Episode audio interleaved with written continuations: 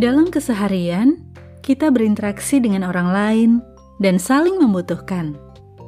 Ketika kita melibatkan orang lain, terutama meminta bantuannya, apakah kita sudah memperlakukan dengan baik?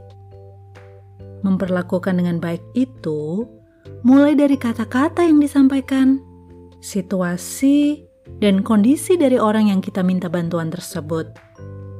Jangan karena kita punya mau, ingin sesegera mungkin. Gak peduli waktu, sudah larut malam, atau dini hari misalnya.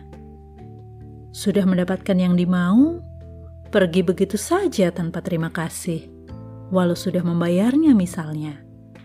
Atau memaksakan orang lain memenuhi kebutuhan kita, padahal ia sedang melakukan hal mendesak lainnya atau bahkan sedang sakit, dan sebagainya patokannya mudah. Jika dibalik posisinya, tentu kita juga tidak senang diperlakukan demikian. Meski kita tidak bisa berharap sepenuhnya dari orang lain untuk memperlakukan kita dengan baik, minimal dari kita sendiri sudah bersikap baik dan sopan ya.